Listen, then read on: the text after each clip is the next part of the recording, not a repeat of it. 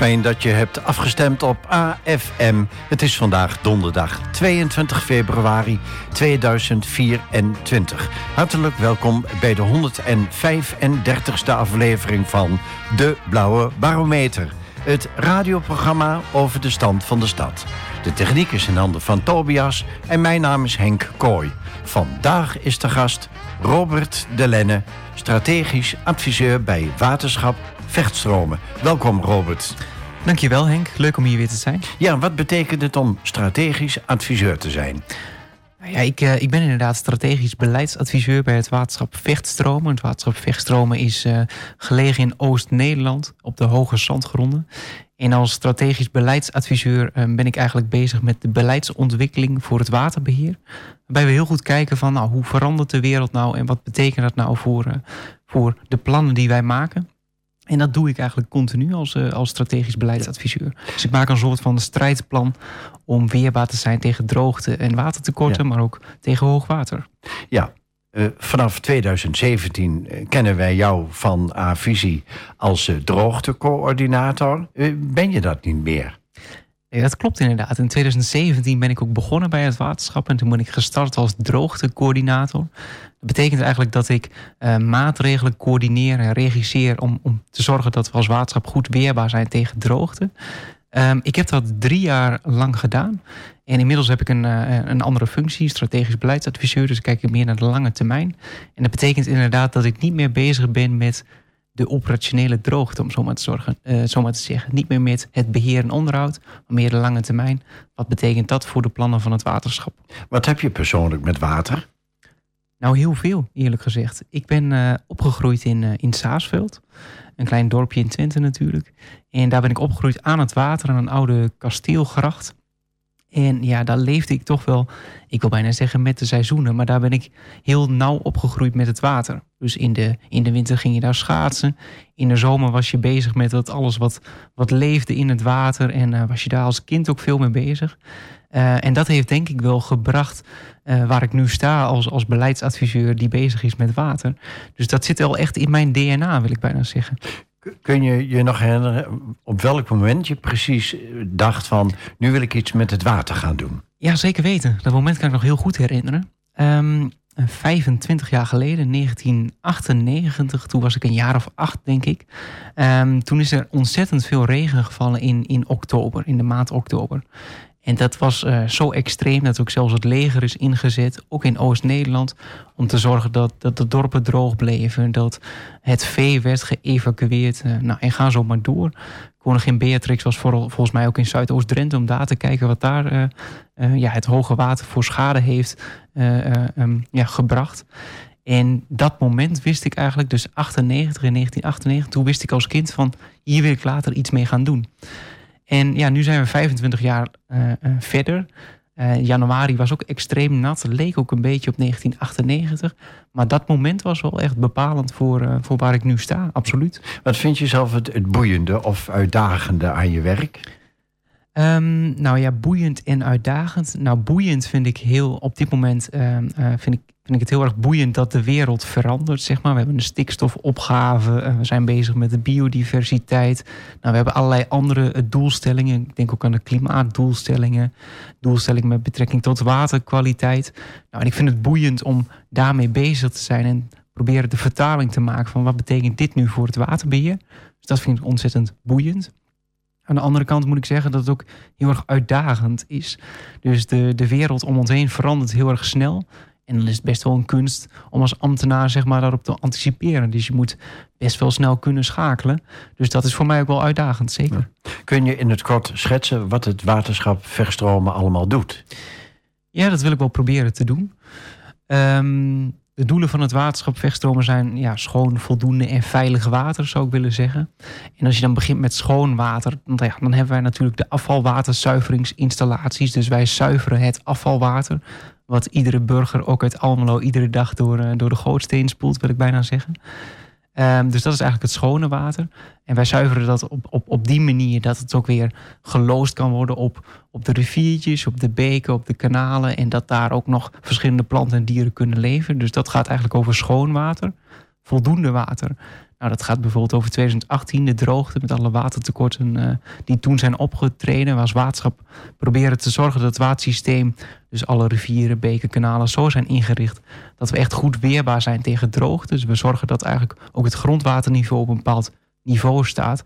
Waarmee bijvoorbeeld de landbouw wordt bediend, waarmee het stedelijk gebied wordt, uh, wordt voorzien van voldoende water.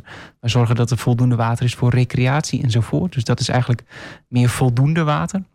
En daarnaast gaan wij ook over veilig water. Dus we zorgen ook dat uh, ja, een goed beschermingsniveau wordt geboden en dat mensen veilig kunnen wonen waar ze wonen. En dat maakt dat je uh, soms bezig bent met het maken van dijken. Nou, dat doen wij, doen wij als waterschap Vechtstromen niet. We hebben geen hele hoge primaire dijken, zoals dat heet. Maar we hebben wel overige keringen. En we zorgen ook dat, um, um, dat het water niet te snel uit de watergang gaat. En zorgt voor economische schade en ook maatschappelijke ontwikkeling, wil ik bijna zeggen. Nou zijn er een boel partijen die baat hebben bij het waterschap. Althans bij de maatregelen die door het waterschap worden getroffen. De boeren, de burgers, de bedrijven. Is het nog mogelijk om al die partijen in dat kantelende of in die veranderende wereld, zoals je zegt, te vriend te houden, tevreden te houden? Ja, dat is een goede vraag. Um, uh, en dit had ik net als antwoord moeten geven bij toen je vroeg van wat zijn de uitdagingen. Nou, dit is absoluut zo'n uitdaging. Um, het werk van het waterschap wordt steeds moeilijker, het wordt politieker en je ziet dat de omgeving om ons heen sneller verandert. En uh, dat maakt ook dat je soms moeilijke keuzes moet maken als waterschap zijnde. En dat zijn, water, dat zijn keuzes die gaan over, um, nou misschien wel soms niet kunnen voorzien in de watervraag vanuit de landbouw, voor de natuur, voor de recreatie, voor de industrie. Um, en als waterschap kunnen we dat heel goed. Hè? Wij voeren heel goed dat gesprek tussen, uh, of met moet ik zeggen, met de agrariërs, met de industrie, met uh, burgers, ook uit Almelo. Maar te zorgen dat we iedereen, bij elkaar weten te brengen, dus echt verbinden. Maar uh, dat is wel een grote uitdaging voor ons als waterschap in een veranderende omgeving. Zeker. Ja. Na de vier stellingen vraag ik je over de vele regenval van de afgelopen vijf maanden. Want dat is een van de redenen dat we je hebben uitgenodigd.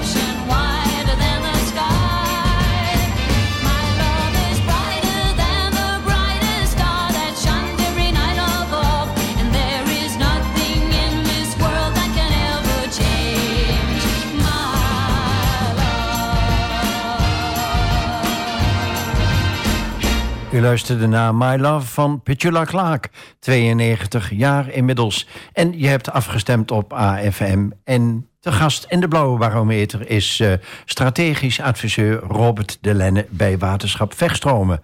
Uh, Robert, we gaan naar de eerste van vier stellingen. Stelling 1. Elke bewoner in het gebied van Vechtstromen zou eigenlijk een grote regenton moeten hebben. Absoluut. Ja, laat ik daar toch maar uh, zo op reageren. Ja, absoluut. Ik denk dat in deze tijd bij een veranderend klimaat... dat iedere bewoner in het beheergebied van Vechtstroom... inderdaad een regenton moet hebben om dat op te vangen... en geen gebruik te hoeven maken van drinkwater... in een periode dat dat schaars is. Hoe kunnen we het aantrekkelijk maken voor de inwoners in dit gebied... Uh, dat, ze, dat ze een regenton gaan aanschaffen? Nou, volgens mij begint dat met bewustwording. Waarom is dat belangrijk? Uh, de drinkwatervraag neemt toe. Nou, wij als waterschap gaan natuurlijk niet over drinkwater, maar we hebben wel een, gedeeld belang. Uh, en dus volgens mij begint het met urgentie, met bewustwording om te laten zien aan burgers, ondernemers, uh, misschien ook, van waarom is zuinig omgaan met drinkwater zo belangrijk.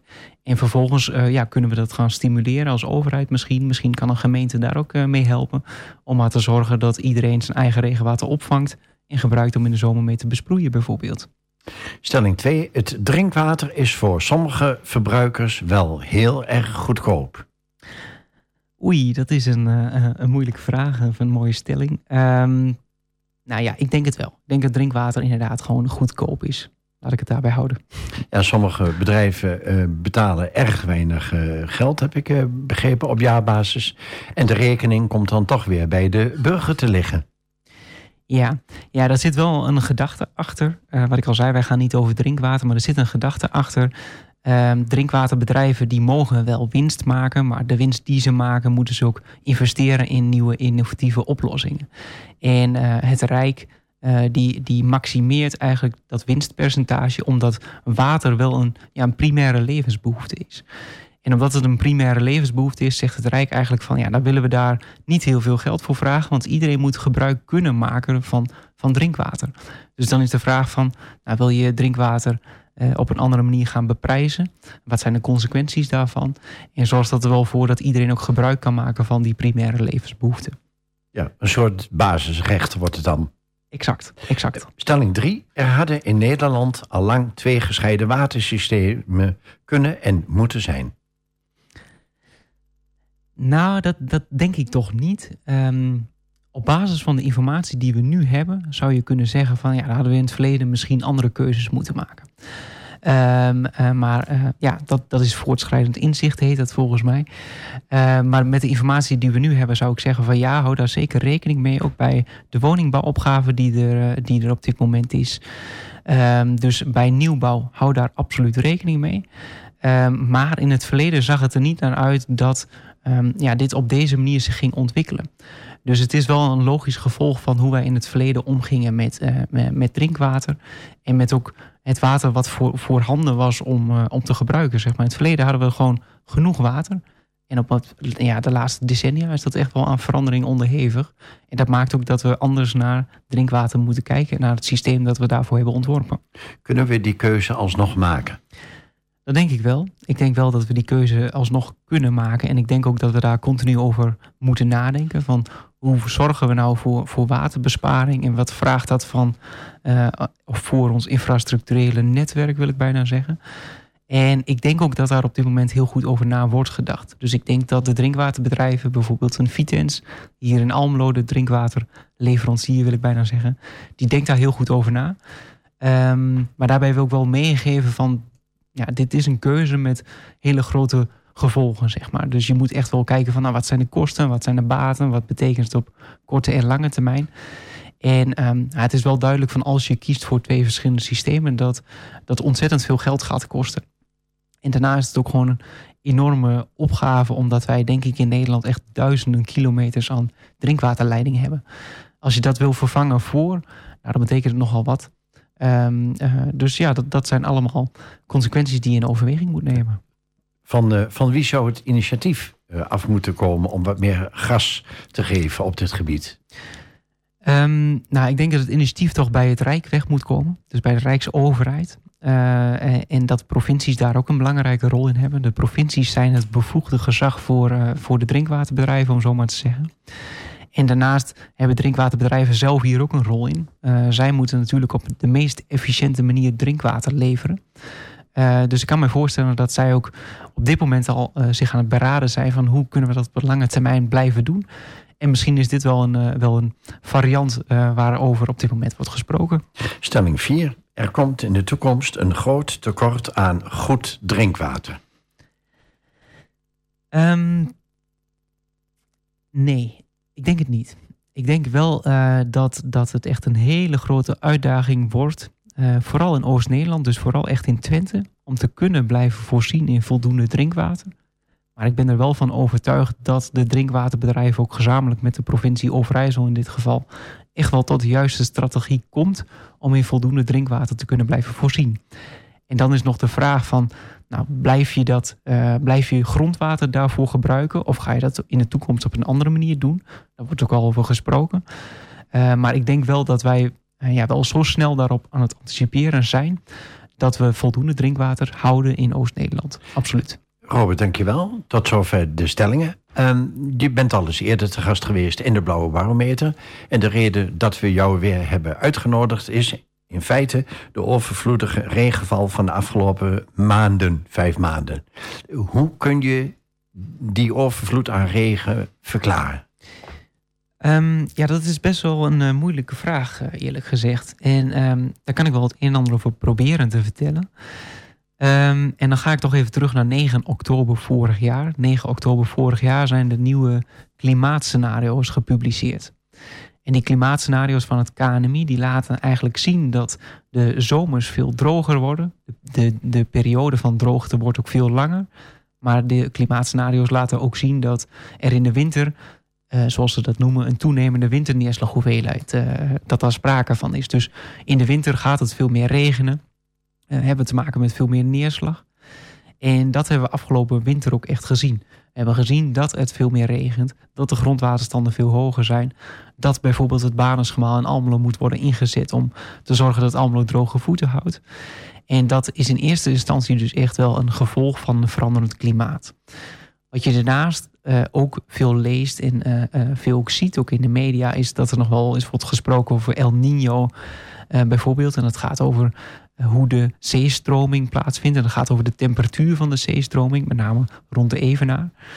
maar daar kan ik wel van zeggen, ik heb er nog net even in verdiept voordat ik hier kwam, dat dat in Nederland zeg maar dat de, de, de, toeneem, de toename van, van neerslag niet een direct verband heeft met die zeestroming El Nino.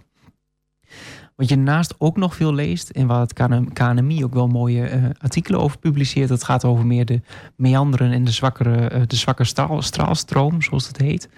En dat uh, gaat over de, de windsnelheden op ongeveer 10 kilometer hoogte, die ook het klimaat kunnen bepalen. En er zijn wetenschappers die zeggen van nou, die, die straalstroom is aan het veranderen. En dat maakt dat we te maken hebben met meer droogte en in het voorjaar en ook in de winter met veel meer neerslag. Nou, daar spant zegt het KNMI van dat kunnen we nog niet uitsluiten, maar we zijn dat nog aan het onderzoeken. Um, en het kan betekenen dat inderdaad een nattere perioden voorkomen als gevolg van die verandering van de straalstroom. Maar als je me nu vraagt van, nou, waar, waar, komt dit uit voort en hoe kun je het verklaren, dan heeft het toch echt wel te maken met een veranderend klimaat. Uh, kun je spreken van, van een patroon al? Ja, dat denk ik wel. Ja, je kunt zeker spreken van een uh, patroon als je kijkt naar 2018, 19, 20 en 22. Dan waren dat uitzonderlijk droge jaren. Uh, zo droog dat we dat bijna niet gezien, niet gezien hebben vanaf 1976. Maar daarnaast zien we ook dat de, de, de winter eigenlijk echt steeds natter wordt. En die lijkt steeds meer op afgelopen jaar, waarin er veel meer regen valt. En waarin wij als waterschap veel meer moeten doen om dat in goede banen te leiden. We kunnen vaststellen dat er sprake is van klimaatverandering. Die kunnen we dus niet langer ontkennen. Nee, absoluut niet. Nee, absoluut niet. Nee, nee, uh, nee en dat, uh, um, dat kunnen we absoluut niet ontkennen. Uh, het klimaat verandert en dat, dat zien wij als waterschap iedere dag. Ja. Um, nou doet iedereen ontzettend zijn best om ja, op zijn of haar manier um, tegemoet te komen aan allerlei maatregelen. Um, maar ik kan me ook voorstellen dat sommige maatregelen een beetje te vrijblijvend zijn in dit uh, polderland dat Nederland heet? Um, ja, dat, dat zou je kunnen, zo zou je het kunnen stellen, inderdaad. We hebben natuurlijk de klimaatdoelen.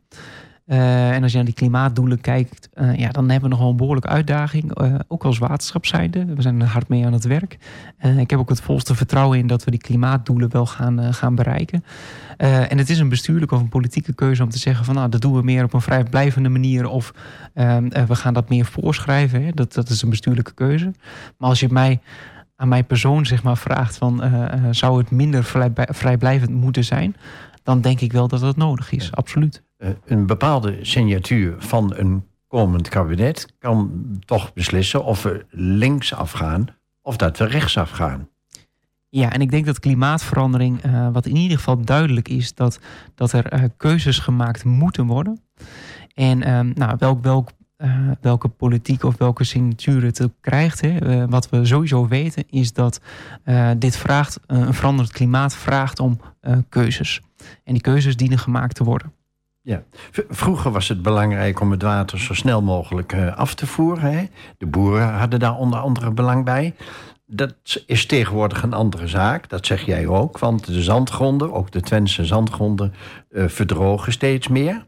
Water moet dus steeds meer worden vastgehouden. Wat doet waterschap Verstromen in dit verband? Um, ja, heel veel en op verschillende niveaus ook. Um, uh, minister van Nieuwenhuizen uh, zei in 2018 van nou, we moeten van kampioen water afvoeren naar kampioen water vasthouden. En uh, nou, volgens mij was dat een, een heel mooi credo, wil ik bijna zeggen. En absoluut waar. Nou, als waterschap werken we daar eigenlijk iedere dag aan. Dat doen we ehm, nou, in ons beheer. Dus in ons beheer zorgen we dat we ook dit water wat afgelopen weken is gevallen, dat we dat daar waar het kan weten vast te houden met, met stuwtjes, met sluisjes, uh, uh, met, met gemalen en dergelijke die juist niet worden ingezet op, op, op een hoger niveau worden ingezet, zodat we het vasthouden. maar als je meer kijkt naar herinrichtingen en dergelijke, dan is eigenlijk alles erop gericht om dat water vast te houden.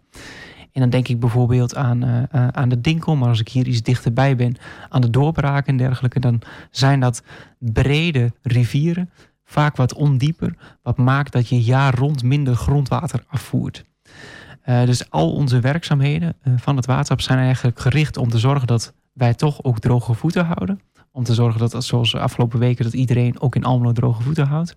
Maar aan de andere kant ook zorgen dat dat water wat in de winter valt, uh, dat we dat weten vasthouden, zodat we ook beter dat groeiseizoen doorkomen.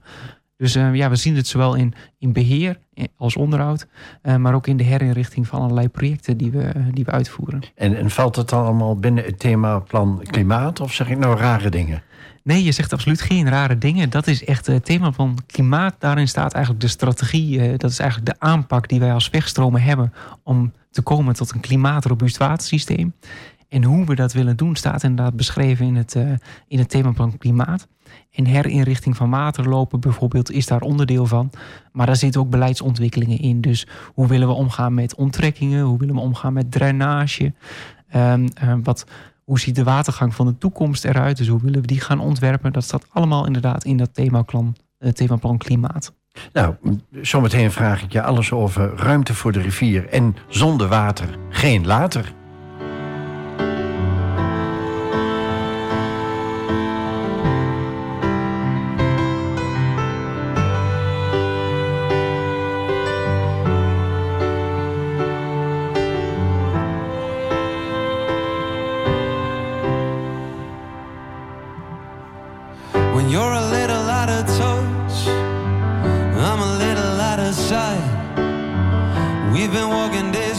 for quite some time. As I stumble in the field, I stand my ground and draw a line. I'm tired of being the one who runs and hides. No, I'll be here by your side. Let it out. Can you try to feel it? Feel it. be here by your side. Let me in, and I will try to feel a little more, a little more than before. And tonight, if you're a little down, and so am I, side by side. We'll make it to the morning light, it's all.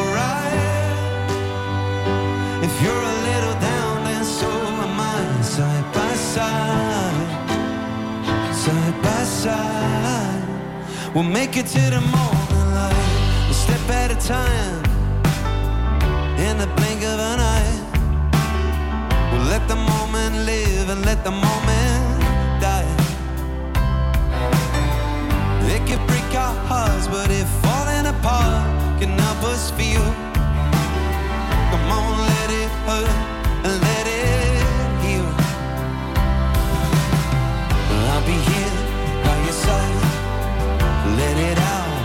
yeah, you're to feel it, feel it. I'll be here by your side. Just let me in, and I will try to feel a little more, a little more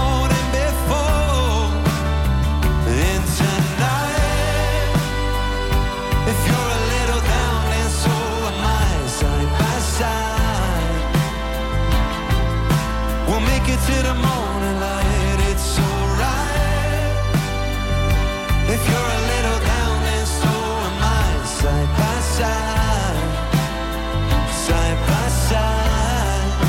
We'll make it to the morning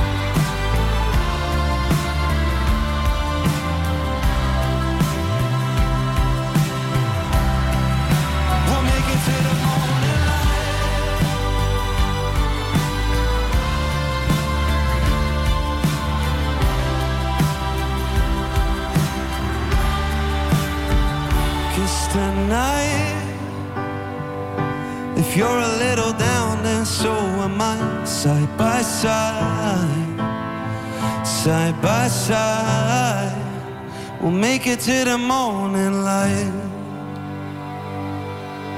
Je luisterde naar Sol Mieux met eh, Tonight. En eh, deze groep wordt gevormd door Camille Meijer-Zonne.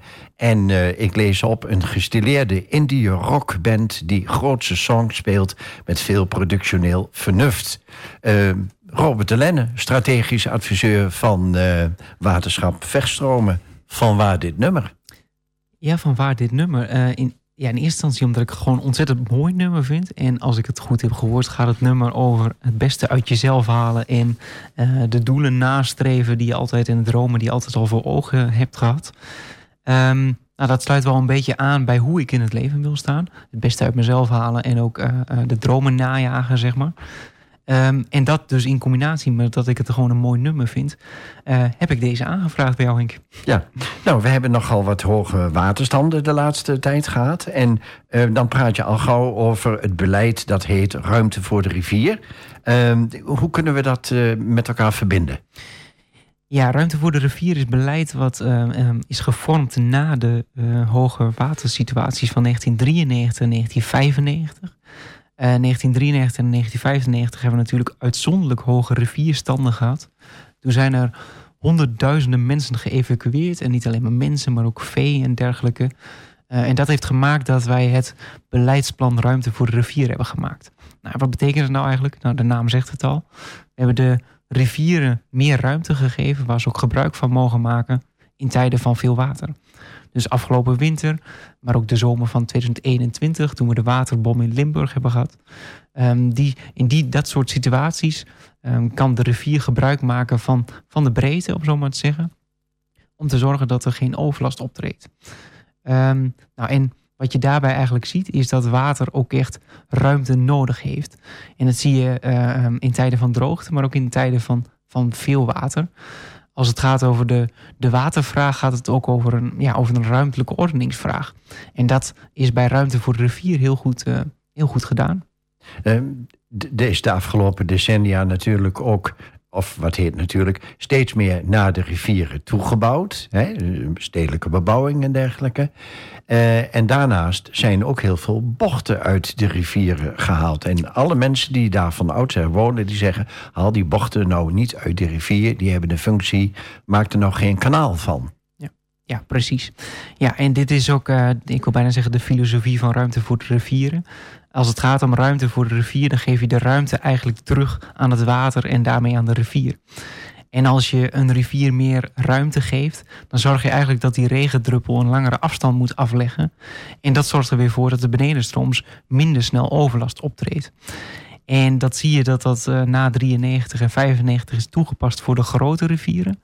Wat je eigenlijk ook ziet als je teruggaat naar, naar Almelo en naar het beheergebied van vechtstromen, is dat wij precies hetzelfde doen voor de kleinere rivieren. Dus als je kijkt naar de Regge, naar de Dinkel, ook naar de Vecht, dan brengen we juist de meanders weer terug om te zorgen dat die regendruppel een langere weg uh, aflegt en daarmee minder snel benedenstrooms voor overlast zorgt. En dat is bijvoorbeeld op het niveau van de, van de Dinkel, de Regge en de Vecht. Maar wij doen dat zelfs ook in de harenvaten, dus echt bovenstromers in het, uh, in het systeem waar het riviertje nog heel klein is. Daar zorgen we al dat ja, de regendruppel een langere weg moet afleggen. Nou, zitten wij daar gezellig over te praten. En ik ben blij met jouw komst en jouw bijdrage. Maar hoe kan het dan dat de doorsnee inwoner van Almelo... of de doorsnee bewoner van Nederland daar weinig kennis van heeft? Ja, dat, dat is een goede vraag. Ik, ik denk dat dat komt omdat de waterschappen over het algemeen het werk gewoon heel erg goed uitvoeren. En omdat wij dat werk zo goed uitvoeren, is er waarschijnlijk in het verleden ook te weinig aandacht voor geweest. We hebben altijd gezorgd dat iedereen droge voeten kan houden. Uh, dat de landbouw op tijd op het land kon om, uh, om bezig te gaan met, met oogsten, zaaien enzovoort. Uh, dat er in het stedelijk gebied geen overlast optrad. En dat maakt dat er eigenlijk weinig aandacht is geweest voor het waterschapswerk. En ik denk wel dat dat aan verandering onderhevig is, wil ik bijna zeggen. Door de droogte en ook door afgelopen maanden, waarin er heel hard gewerkt is door de waterschappen. Uh, maar ja, ik denk wel dat de oorzaak met name ligt in dat de waterschappen gewoon het werk vrij goed uitvoeren. Ja. Jullie hebben natuurlijk ook de afgelopen jaren goed nagedacht over je communicatie naar buiten. Zeker, zeker. Ja, um, als je aan de slag wilt met water, begint dat volgens mij allemaal met urgentie en met bewustwording. En uh, nou, de afgelopen jaren, met name ook na 2018, als het gaat over droogte en watertekorten, hebben we als waterschap daar ook volop ingezet. Dus hoe zorg je dat je inwoners en ondernemers meeneemt in het verhaal van een veranderend klimaat en wat dat ook betekent voor het, voor het waterbeheer? Uh, en volgens mij is dat ook een hele belangrijke eerste stap om ook verandering teweeg te brengen. Ja. Waar kan iemand nou uh, goede informatie vinden over het beleid van verstromen en wat verstromen allemaal doet? Um, ja, dat is een goede vraag. Ik, zelf zou beginnen met het nieuwe bestuursakkoord van het waterschap. Van het waterschap Vegstromen dus. En dat is het bestuursakkoord Normenschap Verbindt. Daarin staat eigenlijk hoe ons bestuur uh, de komende jaren aan de slag wilt gaan. Of wil gaan. Daarnaast um, is, het, uh, is het thema plan klimaat, zoals je net al noemde, staat daar heel veel relevante informatie in. Uh, en wat ook heel erg interessant is, is ons waterbeheerprogramma, zoals dat heet. En dat is een van de belangrijkste beleidsdocumenten die er is uh, voor het waterschap. En daarin staat eigenlijk hoe wij als waterschap ons, ons werk willen uitvoeren. En jullie hebben ook een website waarop dit allemaal te vinden is? Jazeker, en dat is www.vechtstromen.nl. En op die website staat eigenlijk uh, ja, waar wij mee bezig zijn, wat de actualiteit is, hoe het watersysteem ervoor staat. Dus of we bijvoorbeeld te maken hebben met hoge waterstanden, ja of nee. Hoe het uh, ervoor staat met de waterkwaliteit en ga zo maar door. Fijn. We kijken even terug naar vorige week, donderdag 15 februari. Toen waren Alice Vroom en Bianca Groot-Zwaafdink van het AZC Almelo te gast. En Alice stelde jou de volgende vraag. Wat is de grootste uitdaging voor het waterschap Vechtstroom op de korte termijn en op de lange termijn? Nou, op de korte termijn denk ik toch wel. En dan de korte termijn, dan zie ik het over een paar jaar. Eh, dat zijn de doelen van de kaderrichtlijn water. Ik denk dat dat een, ehm, een hele grote uitdaging is voor waterschap Vechtstroom op de korte termijn dus. Op de lange termijn eh, denk ik dat het toewerken naar een klimaatrobuust watersysteem een grote uitdaging is. Dus dat betekent eh, een watersysteem wat goed tegen een stootje kan, wat tegen droogte en watertekorten kan, maar aan de andere kant ook kan tegen, eh, tegen een teveel aan water. Stel dat ehm, nou, de komende zomer weer heel lang droog wordt. Wat gebeurt er dan? Ehm, nou, wat er dan gebeurt is dat wij in heel veel gebieden eh, eh, nog steeds water kunnen aanvoeren, omdat we dat heel goed kunnen. Dat doen we vanuit de Twente-kanalen en ook vanuit kanaal Almelo eh, de Haanrik bijvoorbeeld. Ehm, maar er zijn ook gebieden waar we dat niet kunnen. En dat is ongeveer 60% van ons beheergebied.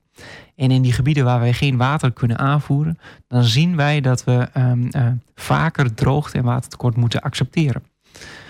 dus het betekent dat we als waterschap heel hard werken om dat moment proberen uit te stellen. Maar er komt een moment dat wij niet kunnen voorzien in de watervraag die er is. Er zitten dus grenzen aan ook de technische mogelijkheden om het water daar te brengen waar het eigenlijk naartoe gebracht moet worden. Ja, zeker, dat zeg je goed. Er zitten echt grenzen ook aan de maakbaarheid van het watersysteem.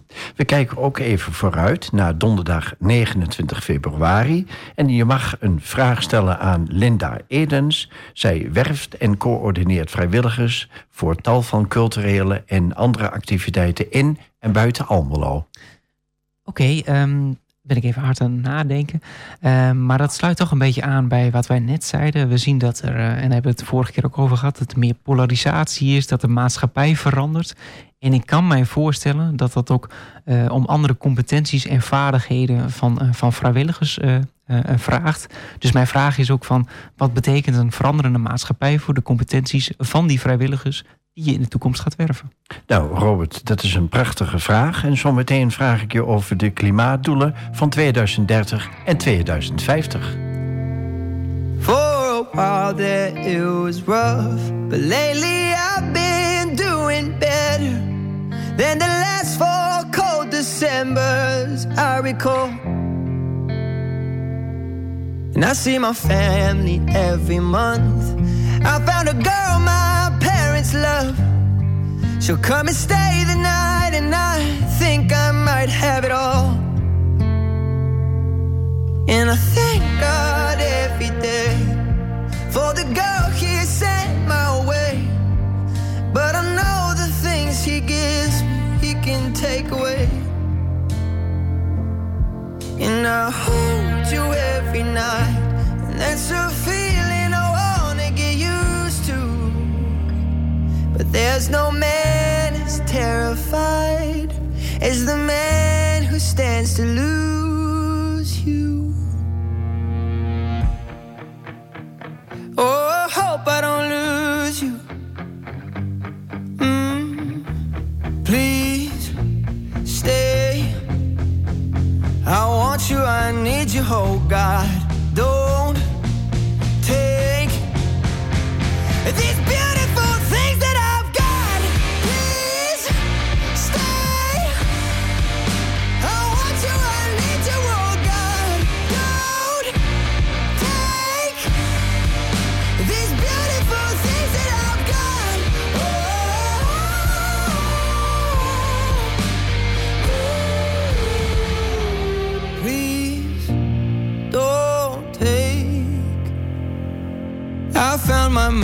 Mind, I'm feeling sane. It's been a while, but I'm finding my faith. If everything's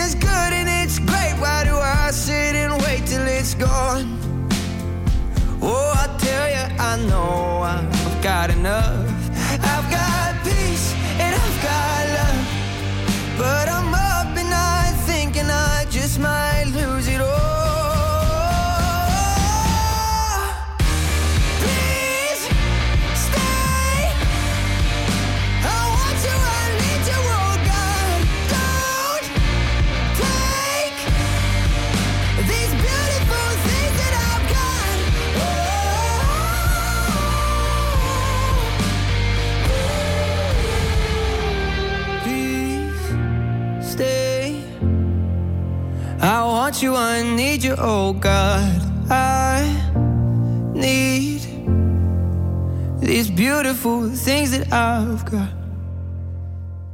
Je luistert naar Beautiful Things van Benson Boone. Uh, Robert de Lenne, uh, strategisch adviseur bij Waterschap Verstromen. Van waar dit tweede verzoeknummer? Ja, Beautiful Things van Benson Boone. Ik, vond het, ik vind het een ontzettend mooi nummer.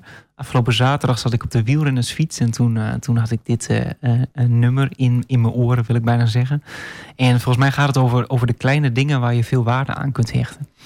En dat gevoel had ik ook even op de wielrenfiets. Het wordt weer beter weer. Alles begint weer te groeien en te bloeien, wil ik bijna zeggen. Ja. En vandaar dat ik dit nummer had opgegeven. Mooi. Uh, als strategisch adviseur ga je kijken naar klimaat en omgeving. En dan met name ook voor de langere termijn. voor zover jij kunt bekijken en jouw kennis en inzicht rijken... gaan we in Nederland de klimaatdoelen halen voor 2030 en 2050.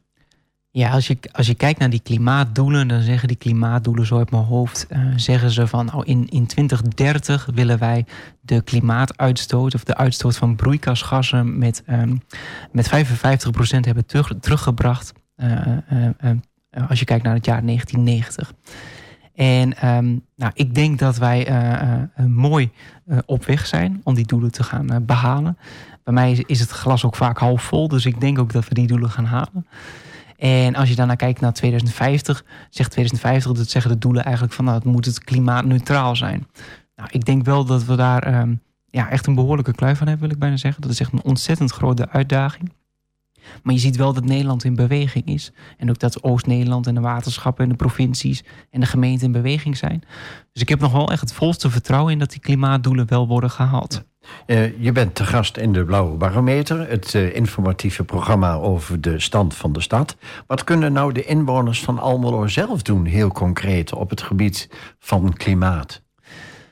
Ja, dan, kijk ik toch weer even naar het water. Hè? Want uh, de klimaatdoelen gaat ook echt over de uitstoot van broeikasgassen. Maar als je kijkt naar wat kunnen de inwoners uit Almelo doen als het gaat om klimaat. Um, ja, dan zeg ik toch van probeer dat water vast te houden. Het kan op verschillende manieren. Net hadden we het al over de regenton bijvoorbeeld. Als je zo'n regenton hebt, dan maakt dat dat je geen drinkwater hoeft te gebruiken.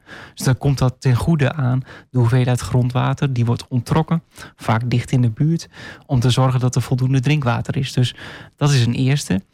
Een tweede is van uh, zorg ook dat het regen of dat de regen die valt, dat dat de bodem in kan trekken.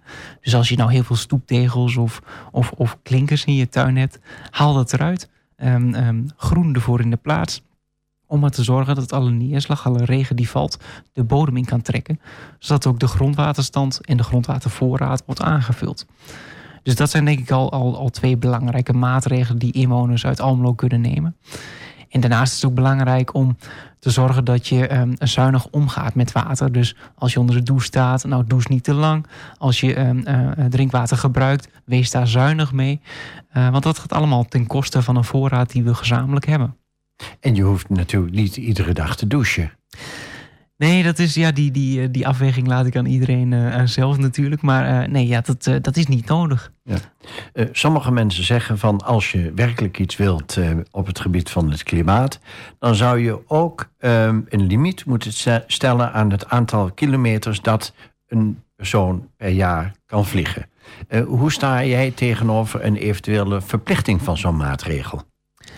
Um, ja, het, gaat voor mij als, als werknemer, simpele werknemer van het waterschap, te ver natuurlijk om daar iets over te zeggen. Maar ik, ik kan mij wel voorstellen dat, je, uh, uh, dat het vrijblijvende karakter van sommige maatregelen zeg maar, er wel af moet om echt beweging te krijgen. En een soort van vliegtax. Uh, ja, het is niet aan mij om daarover te oordelen. Uh, maar als je naar dat soort dat soort bewegingen kijkt, wil ik bijna zeggen. Um, wat ten koste gaat van iets anders. Uh, is het wel goed om na te denken van nou, uh, hoe willen wij als overheid dit nou gaan, uh, ja, gaan stimuleren of juist niet gaan stimuleren. Een vliegtax gaat voor mij op dit moment nog, nog wel wat te ver, moet ik eerlijk zeggen. Zouden we daar automatisch naar kunnen, naartoe kunnen groeien, naar zo'n vliegtax? Ja, dat, dat wel. Dat is natuurlijk ook uh, uh, waar de overheid, de Rijksoverheid, goed over moet nadenken. Van sommige zaken wil je juist stimuleren. Hè. We hadden het net over het infiltreren van, van water. zorgen dat het de grond intrekt. Dus dat is echt stimuleren. Maar sommige dingen wil je ook ontmoedigen als overheid. En daar kun je je maatregelen op inrichten. Ja, Eh, terug even naar Almelo. Je hebt het Banisgemaal genoemd, wat natuurlijk geweldig eh, goed werk verricht. Hoe groot is de kans dat Almelo, maar bijvoorbeeld ook in Twente, Hengelo en Bonne en Enschede, ooit eens door die klimaat, klimaatverandering onder water komen te staan? Ja, dat is een interessante vraag. Als je, als je kijkt naar klimaatverandering, eh, dan zien wij natuurlijk dat er eh, zeespiegelstijging optreedt. Dus de zeespiegelstijging, denk bijvoorbeeld aan de Noordzee, eh, die wordt alsmaar hoger. En dat is echt wel, wel substantieel, wil ik bijna zeggen. Dat is echt aanzienlijk. Ehm, als je kijkt naar die zeespiegelstijging, dan zitten wij in Oost, in Oost-Nederland hartstikke veilig. We zitten hoog en droog. En ja, vanuit dat perspectief wil ik bijna zeggen, kan ons niet zoveel gebeuren. Maar aan de andere kant, eh, als je bijvoorbeeld naar Almelo kijkt, en niet alleen Almelo, dan hebben we hier wel behoorlijke ehm, eh, rivieren waar het ook wel soms kan spoken. En om die reden hebben we bijvoorbeeld ook het Banesgemaal, te zorgen dat Almelo droge voeten houdt. Bij een veranderend klimaat zie je, zoals ik al zei, dat de, de neerslag die in de winter valt, gaat toenemen. En dat maakt wel dat rivieren een, een hogere waterstand in de toekomst kunnen krijgen.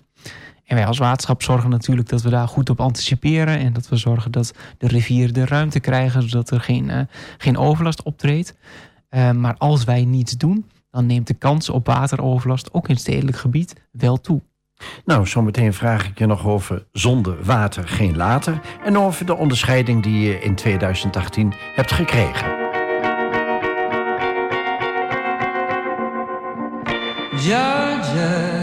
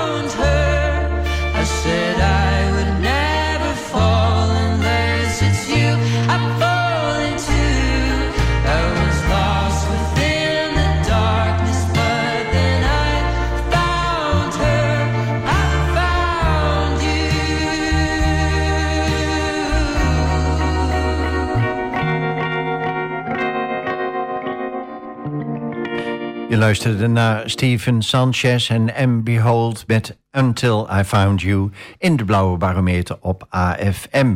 Eh Robert de Lenne, wat vind je van dit nummer? Ja, een heel goed nummer. Ja, ik luister dit nummer ook vaker, dus eh, ja, zeker een aanrader. Ja.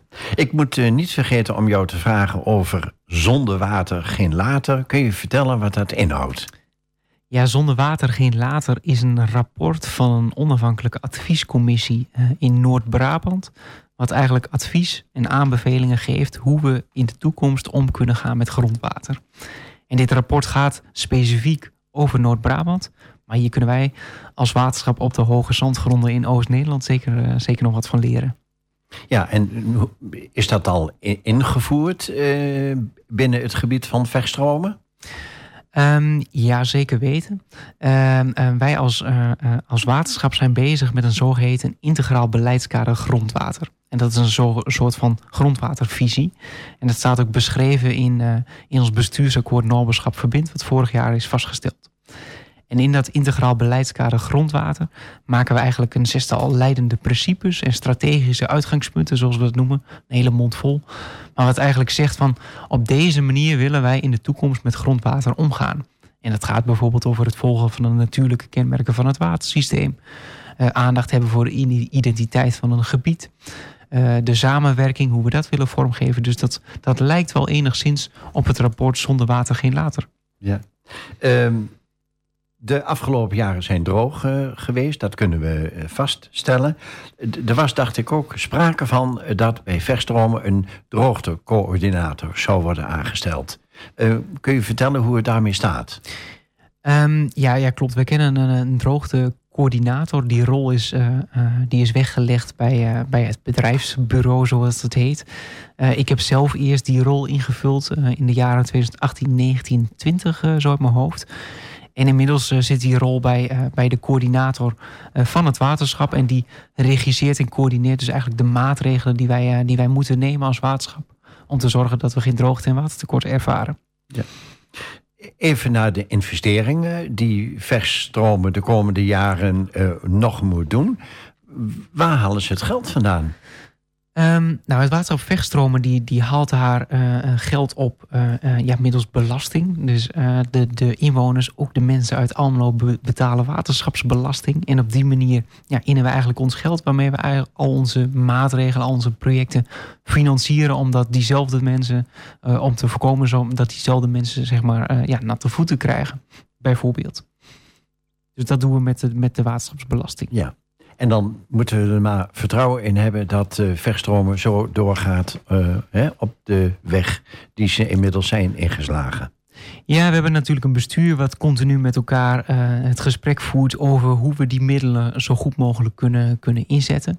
Eh, ja, op een doelmatige manier wil ik bijna zeggen van hoe willen we dat geld wat we hebben opgehaald nou spenderen en wat, wat is daarbij wijs. En daar, eh, ja, daar wordt het bestuurlijke gesprek over gevoerd. Eerder in de uitzending heb je het gehad over je dromen die je als jonge jongen had. Je bent in 2018 verkozen tot Twentse jonge ambtenaar. Wat hield dat precies in? Ja, dat klopt inderdaad. In 2018 ben ik Twentse jonge ambtenaar van het, eh, van het jaar geworden. Ik heb toen de prijs eh, gekregen van eh, minister Bijleveld. Destijds nog minister van, van- Defensie, maar woonachtig in Twente. Ehm, en ik heb die prijs gekregen inderdaad omdat ik in dat jaar, 2018... dat was echt een extreem jaar als het gaat over droogte... ehm, eh, onderdeel be- ben geweest van de crisisorganisatie van, onze, van ons waterschap. En ehm, ehm, ja, blijkbaar wel eh, waardevolle eh, dingen heb gedaan.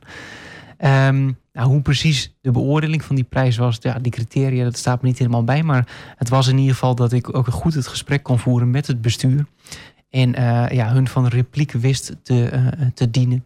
En eh, nou ja, zorg dat de goede besluiten konden worden genomen. In, in hoeverre heeft deze prijs, deze onderscheiding jou verder geholpen? Ehm, ja, ik denk wel dat die prijs mij zeker verder heeft geholpen. Eh, onderdeel van die prijs was ook een ontwikkelingstraject eh, die ik samen met, eh, met iemand heb doorlopen. Ehm, en dat heeft wel gemaakt dat ik me denk ik ja, als persoon, maar ook als, als ambtenaar wel heb weten te ontwikkelen. En ehm, ja, sindsdien heb ik ook wel wat stapjes gemaakt binnen het waterschap. Eh, destijds was ik nog specialist. Eh, daarna ben ik eh, beleidsadviseur geworden, toen senior beleidsadviseur. En nu mag ik dan onderdeel worden of onderdeel zijn van het team strategie en omgeving en me meer bezighouden met de lange termijn. En ik denk wel dat die prijs daarop ja, in zekere mate aan heeft bijge- bijgedragen, zeker. Ik kan me voorstellen dat je ook ruimte, tijd en eventueel geld wilt hebben de komende jaren om je nog in specifieke onderwerpen te verdiepen. Ja, ruimte zeer zeker en tijd ook. Ehm, eh, ik, ik, ik vind het heel belangrijk, en dat zijn denk ik ook waarden van mij, om mezelf persoonlijk te blijven ontwikkelen. Ehm, ik ontwikkel me al wat meer tot generalist. Dus ik ben al wat bezig met, met, met wat bredere dingen. Dus niet alleen het, het functionele waterbeheer. En dat wil ik ook graag blijven doen. En dat maakt dat inderdaad dat ik me wil blijven eh, ontwikkelen op, op bedrijfsmatig niveau enzovoort. Om ook het goede gesprek te kunnen voeren. Niet alleen over het waterbeheer, maar alles wat daarmee samenhangt. Ik kan me ook voorstellen dat je na verloop van tijd hele andere dingen gaat doen. Ja, dat zou kunnen. Dat sluit ik ook nog niet eh, op voorhand uit. Eh, wat ik al zei, ik ben van de persoonlijke ontwikkeling. Op dit moment heb ik echt nog voldoende uitdaging bij vechtstromen. Maar wie weet eh, kijk ik over een paar jaar nog wel weer eens verder van, nou, naar een andere organisatie waarmee ik ook ja, een, een, een, publieke waarde kan, van publieke waarde kan zijn. Ja. de keren dat je te gast bent geweest, hebben we je voldoende persoonlijke vragen gesteld. Dus we beperken het vandaag tot een paar vragen tot slot. Wat zou je, Robert, morgen in de wereld veranderd willen zien? En wat zou jouw rol daarin kunnen zijn? Um, poeh, dat is een moeilijke vraag. Um, nou, ik denk, ik ben toch wel een persoon van de verbinding, zeg maar. Ik vind verbinding in mijn werk heel erg belangrijk. En ook verbinding met alle, alle uh, stakeholders waarmee wij samenwerken. Dus de boodschap die ik voor de wereld heb is: um, zorg voor verbinding en kies niet voor het conflict. Juist omdat we nu bepaalde uitdagende opgaven hebben. Dus doe dat vanuit de verbinding en niet vanuit het conflict. En ieder kan zijn steentje bijdragen?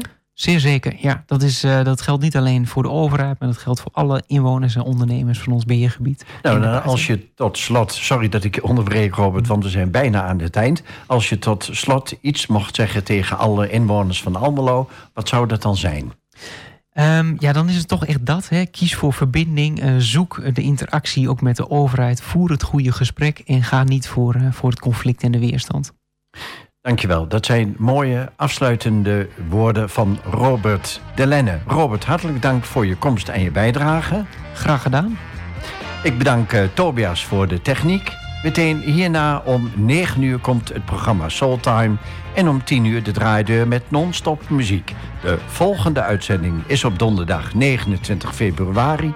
Dan is de gast Linda Edens. Zij werft en coördineert, vrijwilligers voor allerlei culturele en andere activiteiten in en buiten Almelo. Mede namens Tobias. Tot dan.